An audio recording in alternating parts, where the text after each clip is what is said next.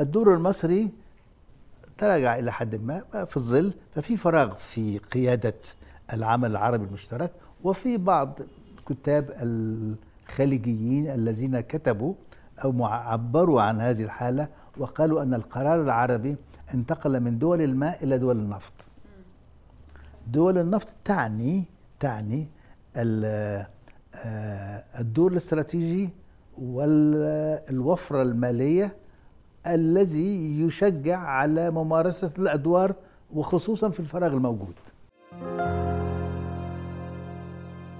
السياسات العامة ليها أبعاد كتير وبعد مهم منها هو السياسة الخارجية التنمية داخليا عمرها ما بتحصل بمعزل عن اللي بيحصل في العالم بقالنا كتير بنسمع إزاي الحرب في أوكرانيا اللي هي بتحدث على بعد آلاف الأميال مؤثرة على الوضع الاقتصادي في مصر وعلى أسعار الغذاء وعلى حاجات كتيرة جدا بنعاني منها كل يوم.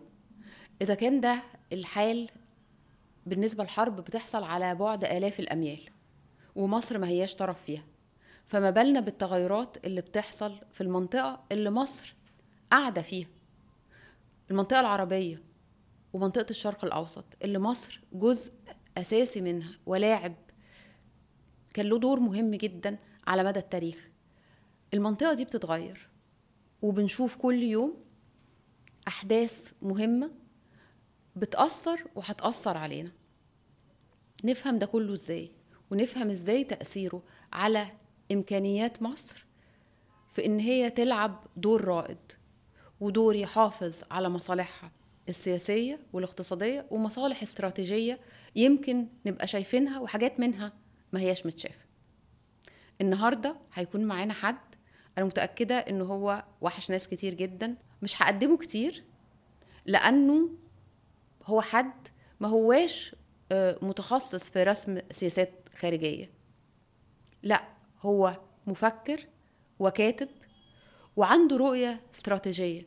رؤية استراتيجية مبنية على انتمائه وولائه للبلد دي كجزء من منطقة عربية وجزء من عالم أوسع بيحط الإنسان وبيحط البشر في قلب النظرة دي. معانا ومعاكم النهاردة الأستاذ المفكر الكبير فهمي هويدي. أهلا بحضرتك يا فندم أهلا بيك يا.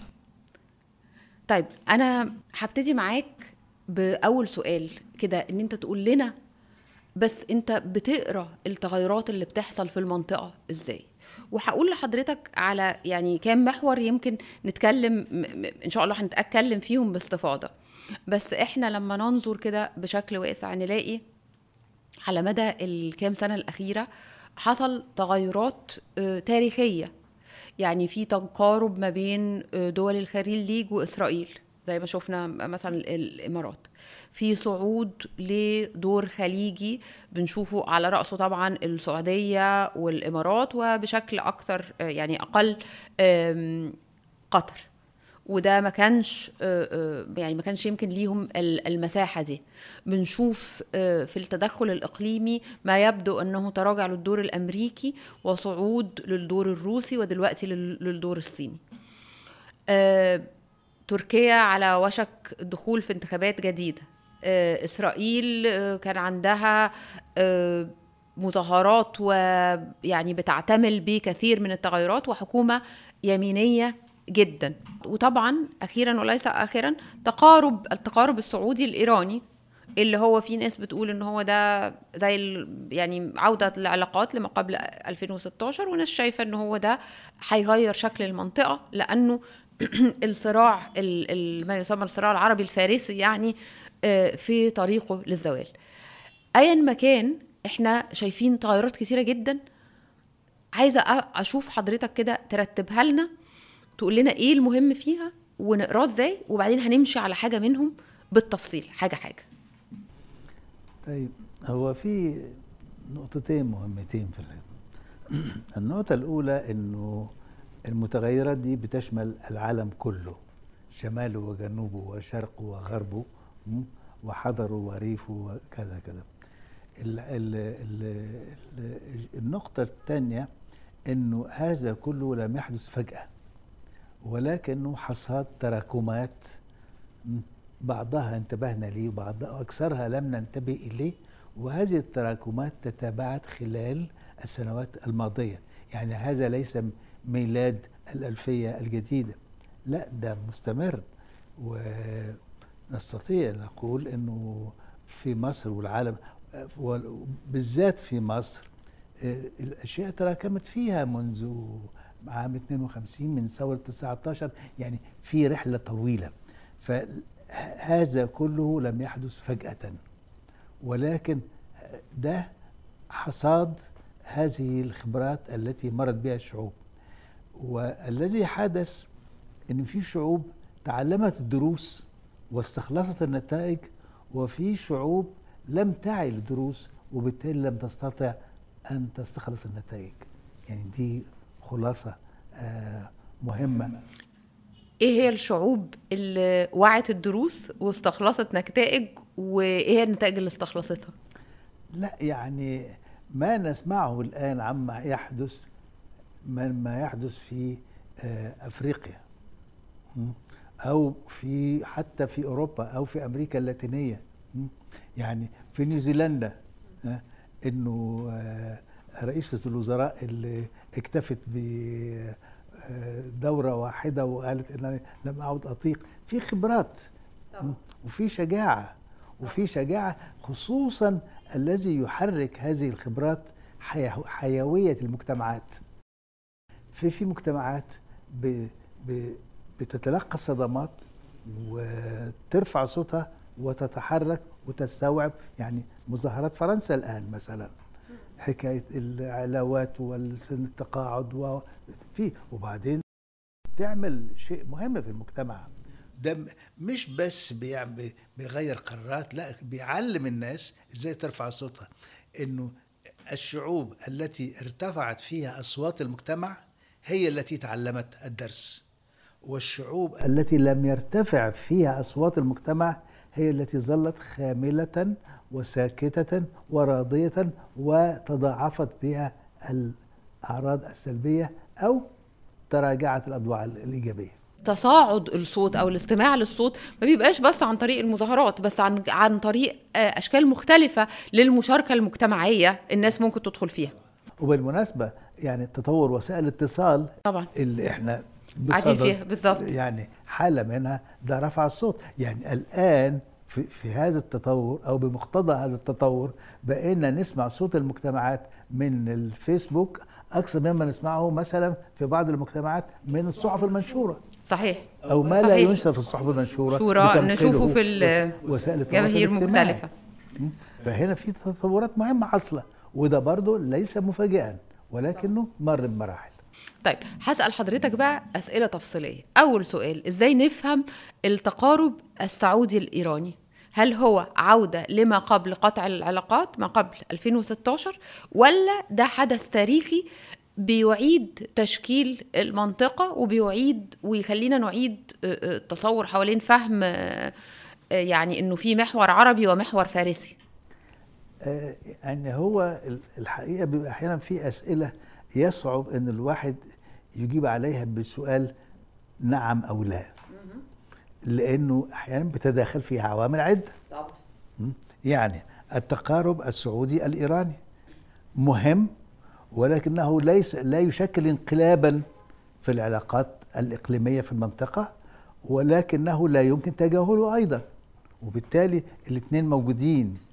و و و وربما يجوز لي إنه إنه عودة العلاقات أنا لا أحب استخدام مصطلح تطبيع العلاقات بين البلدين لكن آه، آه، في الحالة السعودية الإيرانية هو أصعب لأنه لأنه في حالات كثيرة العلاقات أحيانا بتبقى آه، علاقات حكومات.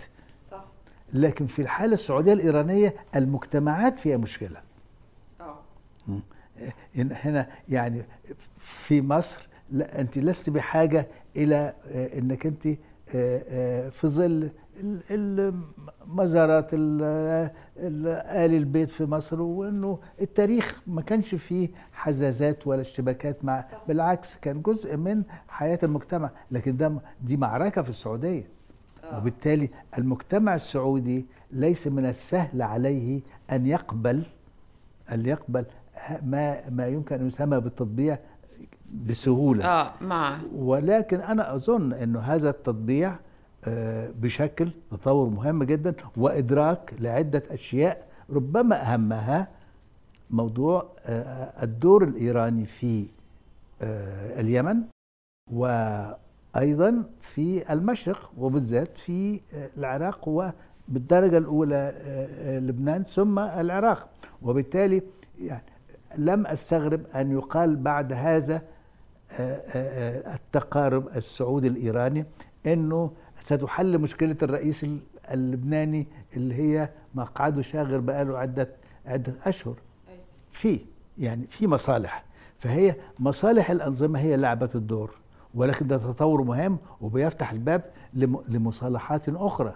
ولازم نلاحظ أنه ده بيتوازى مع الجهد التي خصوصا انه إنه سوريا ترجع للجامعة العربية. أول مؤتمر مؤتمر الجامعة العربية الذي سيعقد في الرياض بدعوة سعودية. في هنا اشياء بتتطور مهم. فهنا اشياء بتتداخل استقرار الموقف في العراق. العراق آه، تمزق ضمن ما تمزق بعد التطورات اللي حصلت بعد الغزو وبعد آه، الغزو الأمريكي.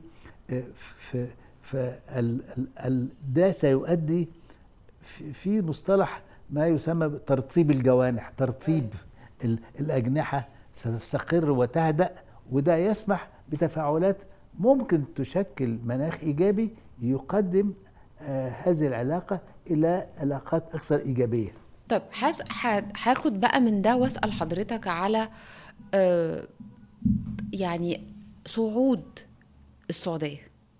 يعني إحنا في في في معرض الكلام آه، تقرر إحنا ابتدينا بالتقارب ال- ال- السعودي الإيراني آه، وبعدين عرجنا على الحرب في اليمن اللي هي طبعا السعودية دور أساسي. الحرب في سوريا اللي السعودية بتلعب فيها دور. قمة الرياض ودعوة ال... يعني في تغيرات حتى وفي التغيرات اللي بنشهدها التغيرات الداخلية في السعودية اللي هي غير مسبوقة. طيب هل إحنا بنشهد مرحلة صراع ما بين يعني صراع على القيادة الإقليمية ما بين الإمارات والسعودية؟ يعني أميل إلى ت- ت- يعني وصفه بأنه تنافس وليس صراع. لأن الصراع قد يؤدي إلى إلى إلى صدام. وأظن هذا ليس واردا في الوقت الراهن على الأقل. لكن تنافس موجود له عد- آه، آه، أسباب متعددة. أحدها أنه الدور المصري تراجع إلى حد ما في الظل ففي فراغ في قيادة العمل العربي المشترك وفي بعض الكتاب الخليجيين الذين كتبوا مع- عبروا عن هذه الحالة وقالوا أن القرار العربي انتقل من دول الماء إلى دول النفط. دول النفط تعني تعني الدور الاستراتيجي والوفرة المالية الذي يشجع على ممارسة الأدوار وخصوصا في الفراغ الموجود. طيب يعني حضرتك جبتنا لمربط الفرس وهو مقارنة صعود أدوار بخسوف أدوار أخرى. وهنا هتكلم آه، آه، يعني ده من في تصوري أنا إنه في تراجع للدور المصري. حتى ولو بشكل نسبي مقارنة آه، بال- بالدول اللي إحنا ذكرناها دلوقتي. لو هنتكلم على النفط النفط طول عمره موجود. يعني ما هوش ما هم ما اكتشفوش أصلهم البترول أول امبارح. لكن الحقيقة آه، آه، ال- اللي حاصل هو نهضة بال- بالمفهوم الواسع لل- للكلمة في في الثقافة وفي التعليم وفي وفي العلوم. ابتدتها آه، الإمارات وبذات دبي وأبو ظبي والسعودية بتعمل ده.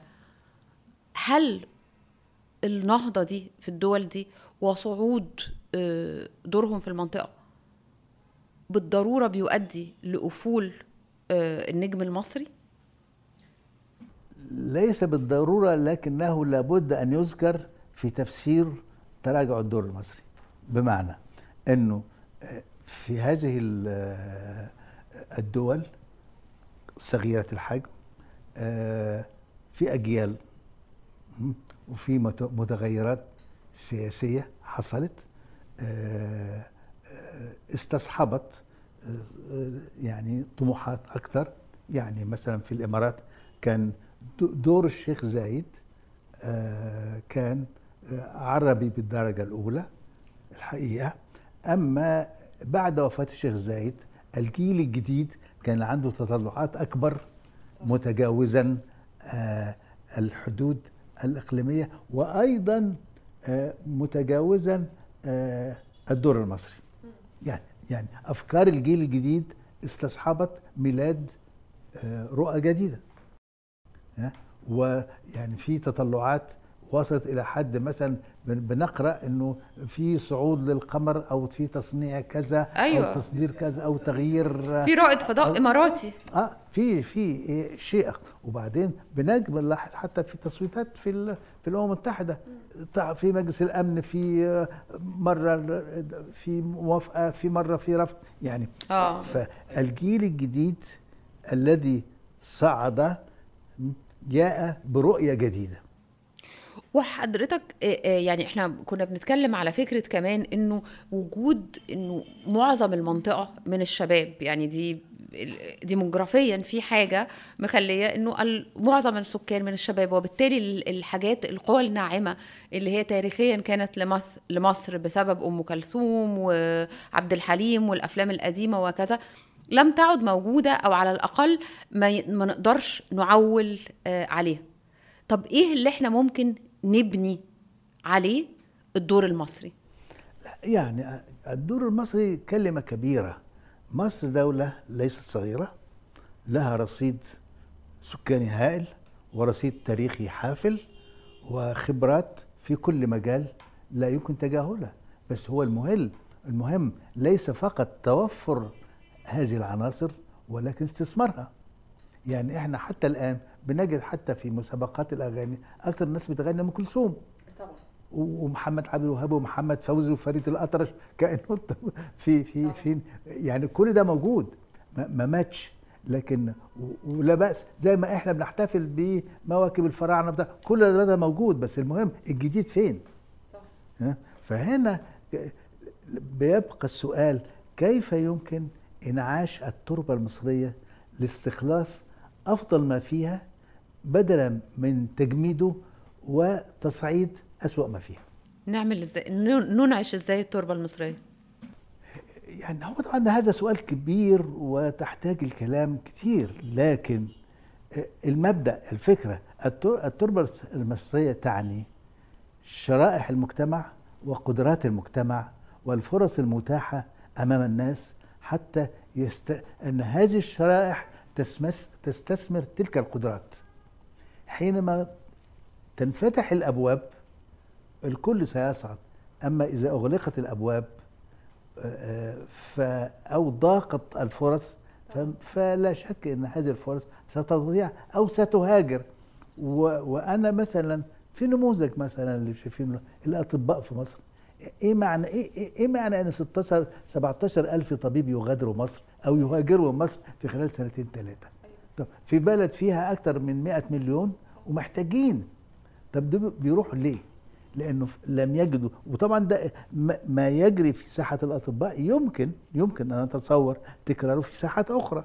في كل الساحات في الب... في صناعة البرمجيات في ب- وحد ليس هذا فقط لكن أيضا حتى لما بعض رجال الأعمال أو بعض المشروعات الاقتصاديه تهاجر من مصر وتنتقل إلى الرياض ال- ال- هؤلاء يبحثون عن فرص. فهو السؤال إيه، يعني إيه، هل إحنا يعني بينفتح المجال لهذه الشتلات الصغيرة تستنبت في هذه التربة أم تترك لتنتقل إلى مساحات أخرى تبحث فيها عن فرصتها؟ لأنه ده في يؤدي في نهاية المطاف إنه البلد ستتحول إلى صحراء جرداء وما يسمى بالقيادة والريادة والقوى الناعمة. بتنتقل إلى ساحات أخرى. ربما تكون أكثر ملائمة لاستنبات هذه القدرات. فإحنا محتاجين حاجتين آه، رؤية ومؤسسات. وبشكل تاريخي هو بالظبط اللي حضرتك بتقول يعني هي حتى الدور الريادي لمصر كان مبني على فكرة إنه هي كانت المناخ الإيجابي فاللي بتجيله العقول من كل المنطقة العربية العقول وال وال والمواهب والفن وبالتالي صباح وفريد الأطرش وإصدار الأهرام و- يعني مصر الجاذبة في بيئة إذا سادت فيها عوامل الطرد بتتحول إلى مجتمع من نوع آخر. وبالتالي القدرات دي موجودة. مصر لم تتغير. التربة موجودة والجيل موجودة والجماهير والكتل الجماهيرية العريضة اللي متوفرة اللي هي بتنبغ في مش محمد صلاح بس ده واحد فقط. لكن في- كل مجال هتجد هذه النماذج؟ ولكن للأسف الشديد لا نكاد نرى آه، توفيرا آه، يعبر عن قدرات هذا المجتمع وتطلعاته وحتى تاريخه.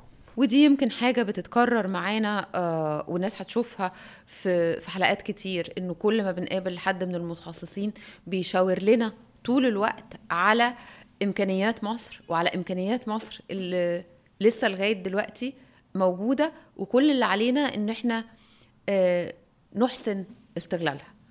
آه ودي الحقيقة حاجة مطمئنة. طيب أنا بالمنافسة عاوز اتفضل. أضيف أنه يعني حيثما ذهبت أنا في العالم العربي الناس مشغولة بهم مصر أكثر مشغولة بهمهم الخاص. في العراق يقول لك فين أنتم؟ في الخليج أنتم فين؟ في تونس أنتم فين؟ طب طب في الجزائر أنتم فين؟ ف فالناس بتنتظرنا ليس فقط حبا في سواد عيوننا لأن شايفين أن هذه القيمة الكبيرة تحتاج إلى أن تستثمر بالاتجاه الصحيح وأن تعطى الفرصة الكافية لكي تعبر تعبير حق- حقيقي عن قدرات وطموحات هذا الشعب واللي هي طموحات الشعب العربي. طبعا.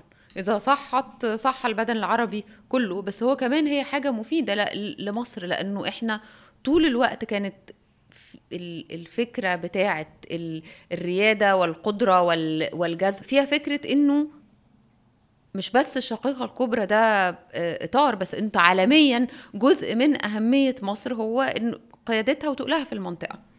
طيب هاخد بقى من ده واسأل حضرتك نرجع تاني للمنطقة. بره الدول العربية إحنا بنتكلم على طول الوقت على ثلاث دول كبار. إسرائيل وتركيا وإيران. كل واحدة من الدول دي يعني إيران مرت ب آه، آه، زوبعة ومظاهرات و... وانتفاضة وكان في تصور إنه هي هتكون آه، ثورة تانية. إسرائيل نفس الشيء ممكن مرت بمظاهرات وكذا. تركيا داخلة على انتخابات رئ- رئاسية. وطبعا في كانت فكرة الزلزال وال... وال... وسياسات أردوغان وكذا. إزاي نشوف بره بقى المنطقة العربية الثلاث دول دول وتأثيرهم ودورهم في المنطقة؟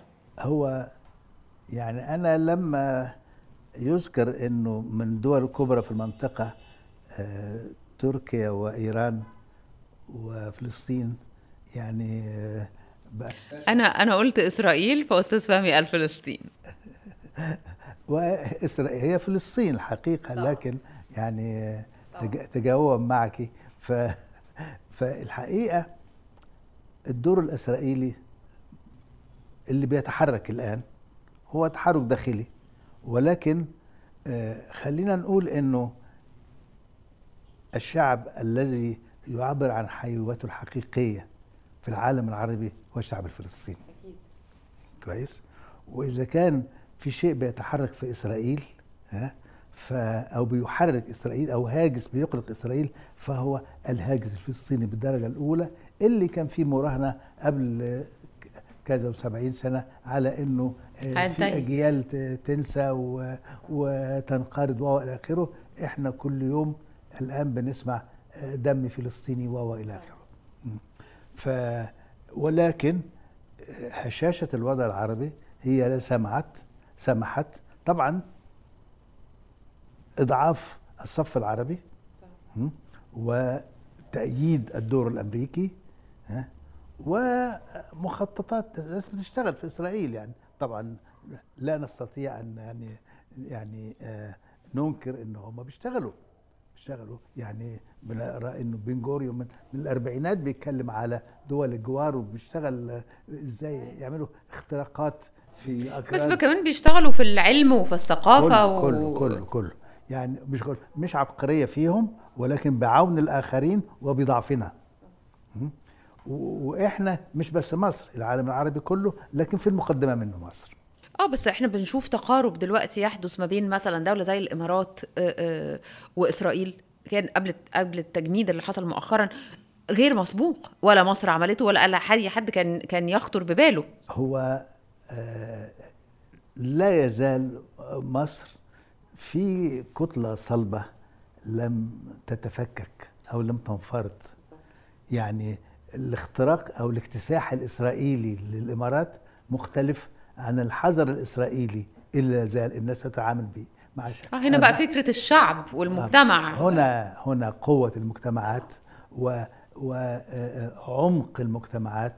وهذا الثقل لابد أن يختلف من من مكان إلى آخر. لكن آه، الحاصل الآن آه، في دور إسرائيلي مهم في العالم العربي وللأسف الشديد يعني القدر الذي آه، أستشعره أن الدور الإسرائيلي غير المعلن أخطر وأوسع ومتجاوز بكثير ما نعلمه ما نعلمه. طب أستاذ فهمي لازم أوقف حضرتك بقى عند الدور غير المعلن لإسرائيل. إيه هو الدور غير المعلن اللي إسرائيل بتلعبه في المنطقة؟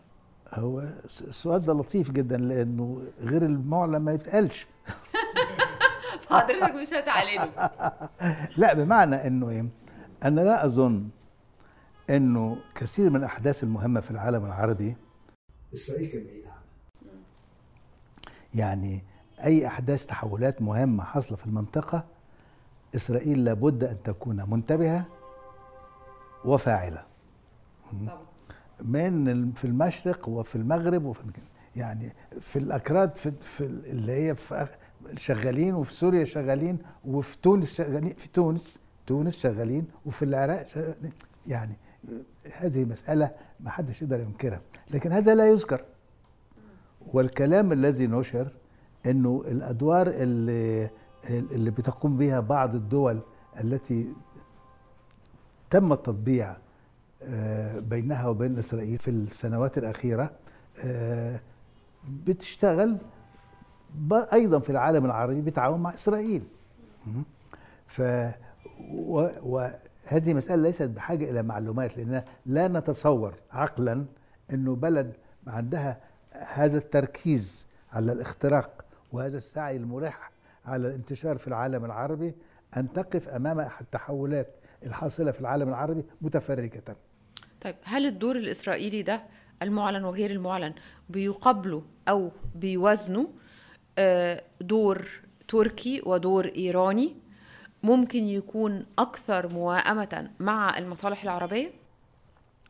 الحقيقة أنا آه، يعني آه، عندي حساسية من وضعهم في مرتبة واحدة. بمعنى وبأزعم إنه لا زال تركيا وإيران هو أهم حليفين في- للعالم العربي في المحيط في المنطقة هنا. ويمكن يلفت النظر ويحتاج إلى دراسة إنه باستمرار كانت العلاقات سيئة بين العالم العربي وهاتين الدولتين. الدولتين إيران تر- وتركيا. تركيا وإيران. يعني لم يحدث التفاعل. يعني أنا مش عاوز أقول إنه الت- آه، التطبيع العلاقات مع إسرائيل سبق تطبيع العلاقات مع إيران. ده أكيد. عيب. ولا يليق إنه يتقال هذا الكلام لكنه حصل. طب ليه حضرتك بتقول لا يليق؟ يعني في ناس بتساوي ما بين آه، العداء لإسرائيل والعداء لإيران.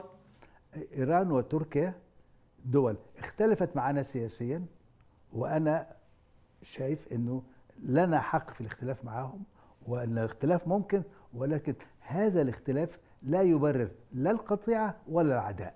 بدليل إن إحنا بنتعامل مع دول أخرى بيننا وبينهم اختلافات وفي العلاقات موجودة. يعني يعني يعني لماذا الفاكهة في إيران مثلا تيجي مصر الوقت ما سمح لها عن طريق قبرص وتدفع عنها جمارك وت- وتباع في مصر بأعلى من من من, أسعارها في, في طهران؟ يعني مش معقول. وكذلك في تركيا. تركيا اللي هي جارة واللي كان لها آه، آه، وجود في في ميناء دمياط هنا وخط بحري. كل ده كل هذه المصالح تقطع المصالح. بس ما يقال إنه هذه الدول بتسعى للتدخل طول الوقت في في الشأن العربي وفي دول عربية آه، مختلفة مش بس مش بس في مصر. وبالتالي آه إسرائيل دولة محتلة ولكن آه، كمان تركيا وإيران بيلعبوا أدوار آه، خطيرة داخل آه، دول المنطقة العربية. هذا موضوع ينبغي أن يحقق بمعنى أنه ال- الأدوار يعني مثلا لما يقال أنه إيران إيران تعمد إلى في حاجتين نشر المذهب الشيعي في مصر الحاجة الأخرى تهديد الأمن المصري ها وإيواء بعض ال- المطلوبين. وفي حدود علمي لا يوجد مطلوب مصري في إيران الآن. لا يوجد. أما حكاية نشر المذهب الشيعي دي دي مضحكة جدا.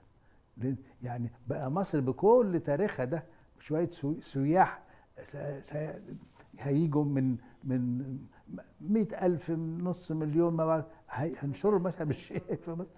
طب ما ينشروه في ما ينشروه في, أماكن أخرى. ده ما حصلش. ده بالعكس لما دخلوا في في سوريا الإيران دخلت في سوريا تمترس ال- ال- الجماعة السنية ضد الشيعة بقى وال بقى أكثر كتير. بس ما يقال وأنا طبعا يعني قصدي أنا بس هنا هبقى بس يعني بقول لحضرتك حاجات ممكن ما يقال إنه آه، آه، ال- التواجد الإيراني في لبنان مثلا خلق آه، حاجة زي حزب الله اللي أصبح دولة داخل الدولة وبالتالي إن هو ينفع إن أنت أنا أنا تقريبا عارفة إجابة حضرتك بس أحب أسمعها. آه لا اولا هو إذا كانت إيران بتتدخل في لبنان فالسؤال ده ناقص شوية لأن السؤال الحقيقي من لم ي... من لا يتدخل في, في لبنان؟ ها؟ السعودية بتتدخل بطريقه بشكل أقوى ومصر طول عمرها كانت بتتدخل في لبنان? يعني في- في مرحلة سابقة طبعا. ف لبنان له وضع خاص. وفي وفي كتلة شيعية في جنوب لبنان لها حضورها في في ال- في البرلمان ولها آه، دورها في الكتله في دي مش. موجودة في مصر. وفي التوازنات وفي اتفاق الطائف. في في تركيبة بتسمح إنه مين هيبقى يسأل يسال يرأس البرلمان ومين يرأس الدولة مين يرأس يرأس الحكومة. ده موجود. في تركيبة في لبنان مش مقيا م- مقيا لبنان وضع خاص لا ينبغي أن يقاس عليه. والفكرة ومع هذا أي تدخل ينبغي أن يواجه بشجاعة وبحسم وب- وبأساليب قانونية محترمة. ليس في السياسة فكرة إنه في مشكلة بيننا وبين بلد فنخاصم هذه البلد نخاصم هذا الشعب. ده لا يحدث ممكن يحدث بين قبائل وعائلات وكده. ولكن الدول التي تتشابك مصالحها وتتعدد إيران النهارده بتبيع السلاح ل 30 دولة درونز ال- المسيرات الإيرانية تباع ل 30 دولة في العالم. والمسيرات التركية بتباع ل 29 دولة في العالم.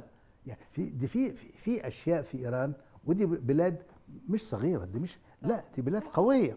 فاللي إحنا ينبغي لن ينبغي أن نعترض على أي تدخل ولكن في فرق بين التدخل والمخاوف والهواجس الأمنية. ده كلام مش يعني أنا آه، لا أريد أن ندخل في التفاصيل. لما في وقت من الأوقات في بداية الثورة لما كان في نص في الدستور على إنه آه، آه، اللغة العربية هي لغة ثانية في المدارس الإيرانية. فالرئيس السادات يمنع ده كان ممكن في يمنع ذهاب المدرسين. مدرسين عرب. يعني ب- ي- يحول في وقت من الأوقات كانوا الشبان الإيرانيين اللي بيتعلموا لغة عربية يتباهوا بأنهم يعرفوا بعض اللغة العربية. طبعا. و... ف... ف... طب تعمل كده. فين الرؤية الاستراتيجية؟ فحضرتك رأيك إنه الرؤية الاستراتيجية لمصر يجب أن تبنى على تقارب أكثر بين مصر وتركيا وإيران وتباعد عن إسرائيل وطبعا مع تقارب مع ال- الشعب الفلسطيني. صحيح. وأنا عاوز أقول أن الرؤية لابد أن تقوم على حاجتين رؤية سياسية ورؤية أمنية. طبعا. مش الأمن هو يقول كل حاجة. الأمن من حقه ومن واجبه أن يقول كلمته. لكن السياسة أيضا لازم لازم. هي تبقى لأنه السياسة هي التي ترى المصالح الاستراتيجية العليا. طبعا طبعا. هسأل حضرتك بقى آه، ختاما على الدور الدولي في الإقليم. يعني إحنا شايفين إنه ما يبدو أنه تراجع للدور الأمريكي وكان صعود للدور الروسي خاصة لما شوف شفنا مثلا في الحرب في في سوريا. وبعدين دلوقتي مع انشغال آه، روسيا بالحرب مع أوكرانيا وكذا آه، شايفين صعود أكتر. هو كان موجود طول الوقت دور آه، اقتصادي للصين بس شفنا مثلا إن هم كانوا الرعاة للتقارب الإيراني السعودي. فالدور الدولي في المنطقة هل بيتم إعادة صياغته؟ طيب. في اعتبارين هنا مهمين للغاية. الاعتبار الأول هو الكبيرة أو الد- الد- الوزن الاقتصادي الكبير الذي تلعبه دول المنطقة العربية والخليجية بوجه خاص في الساحة الدولية. يعني في الغاز والطاقة بتاع في مشكلة كبيرة يعني وكلهم جم إلى قطر والسعودية وإلى آخره. في دي ال ال ال الشيء الآخر الضعف الموجود في الدول العربية هنا. يعني آه، آه، إيه اللي دخل؟ الصين لم تتدخل سياسيا بشكل معلن في الشأن العربي. روسيا دخلت يعني دخلت في مصر وخرجت ثم دخلت في سوريا والآن موجودة في ليبيا. ولكن ال ال آه، الضعف اللي موجود في أفريقيا خلى روسيا فاجنر هذه الميليشيات الروسية المشهورة تنتشر في في في آه، في أفريقيا والصين تنتشر اقتصاديا في أفريقيا. فأنت بيخشوا مناطق هشة. هشاشة الدول العربية أغرت الدول الكبرى أن تتدخل بدليل أنه ما فيش مؤسسة عربية حلت مشكلة عربية. لا لا مجلس التعاون الخليجي ولا مجلس الدول العربية و- وحتى الله حتى الأمم المتحدة لما بتعين آه، مبعوث بتعين واحد آه، يعني خواجة ما بتعين يعني كأنه صحيح ال- ال- في الموضوع الليبي في واحد الموضوع الليبي كان إفريقي. الأخضر وكان في قبل كده في الأخضر. الابراهيمي وبعد كده كان طيب، في غسان طيب، سلامة طيب طيب, طب فين طاقاتك؟ فين فين سياسة؟ فين فين ال ال القوى الحية الموجودة في المنطقة ها التي تستطيع أن هي تؤدي هذه الأدوار؟ ما فيش. بس أستاذ فهمي إحنا تاريخيا في أي وقت كان دايما في لأنه الإقليم له أهمية استراتيجية كان دايما في يعني من أول فكرة وقبل حتى حاجة زي حلف بغداد. طول الوقت بنشوف ال- ال- اللاعبين الدوليين دايما بيبقى منطقة الشرق الأوسط هي مسرح لنفوذهم. آه في فرق بين هو مسرح يمارس فيه النفوذ ولا يمارس فيه هذا النفوذ الامريكان ما خرجوش. الامريكان موجودين. وفي فرق بين قوة يتعمل حسابها. يعني لما لما حتى لما صدام حسين هدد العراق مصر آه، آه، هدد الكويت. آه ع- متأسف آه، هدد الكويت. مصر وقفت في الموضوع. وفي وتحركت. وتراجعت العراق بسبب التهديد. كان هنا في في آه، بس بعد كده دخلت أمريكا وحرب الخليج الأولى وحرب الخليج الثانية. كانت بإدارة أمريكية. في حالتين. في الاختراق وحالة القابلية للاختراق. نحن نعيش في مرحلة القابلية للاختراق. من كان يتصور أن إسرائيل تدخل بهذه ال- إلى هذا المدى في في في العمق العربي؟ من قال هذا؟ ومن قال يعني أنا لا أستطيع أن أن أحاسب طامعا لأنه تطلع إلى اختراق جبهة آه، هشة وقابلة للاختراق. ده ده يعني هو هو ماكرون لما سافر فرنسا آه، سافر لبنان في في السنة اللي فات ال- في العام الماضي في ناس كانوا بيطالبوا باعاده الاحتلال الفرنسي مرة أخرى ولما بيتقال ولما بيتقال يعني بسبب سوء الأوضاع في لبنان طبعا النقطة اللي اتقالت في الجزائر إنه في احتفال بعيد الثورة إنه مذيع بيسأل واحدة عجوزة إيه إيه رأيك في الثورة؟ قالت والله إحنا آه، طول من سنة كذا لسنة كذا الفرنساويين كان آه، كان في احتلال فرنساوي لكن جاي التحرير الاستقلال مش عارف الاستقلال ده هيخلص إمتى؟ يعني فكرة إنه الاستقلال كان احتلالا وطنيا. في كثير من في بعض البلدان أو في كثير من البلدان. وبالتالي لم تقدم القوى الوطنية الفاعلة والشعوب التي ضحت لم تقدم نفسها في إيه، إعادة بناء شعوبها.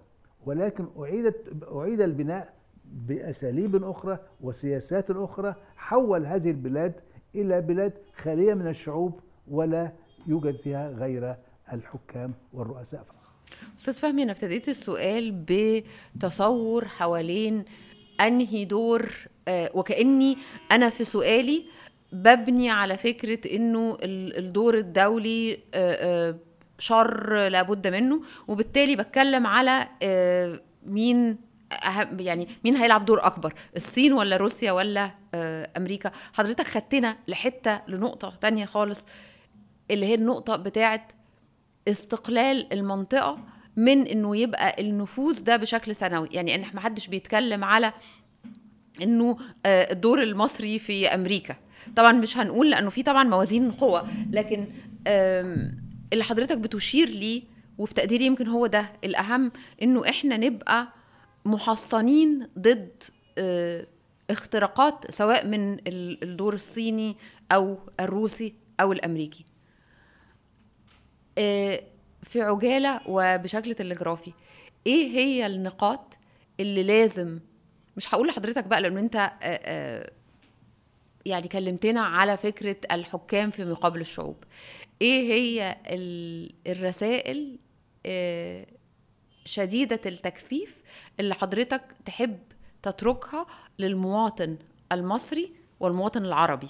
يعني هو بالدرجة الأولى نحن أن نستعيد إصرارنا على الاستقلال والسعادة الحيوية والعافية لأوطاننا حتى نتجنب أطماع الطامعين أو اختراق آه، الراغبين أستاذ فهمي آه شكرا شرفتنا ونورتنا وأضأت نقاط أضأت آه نقاط مهمة أعتقد آه في الحوار. هتكمل معانا في الموسم ده كله. فكرتنا بإمكانيات مصر وفكرتنا بإمكانيات المنطقة العربية. شكرا جزيلا لحضرتك آه ودايما تبقى معانا ونشوفك أكتر من كده لأنه أنت وحش الناس كلها. شكرا. شكرا. كنت معاكم أنا رباب المهدي. ده بودكاست الحل إيه؟ استنونا في الحلقات الجاية.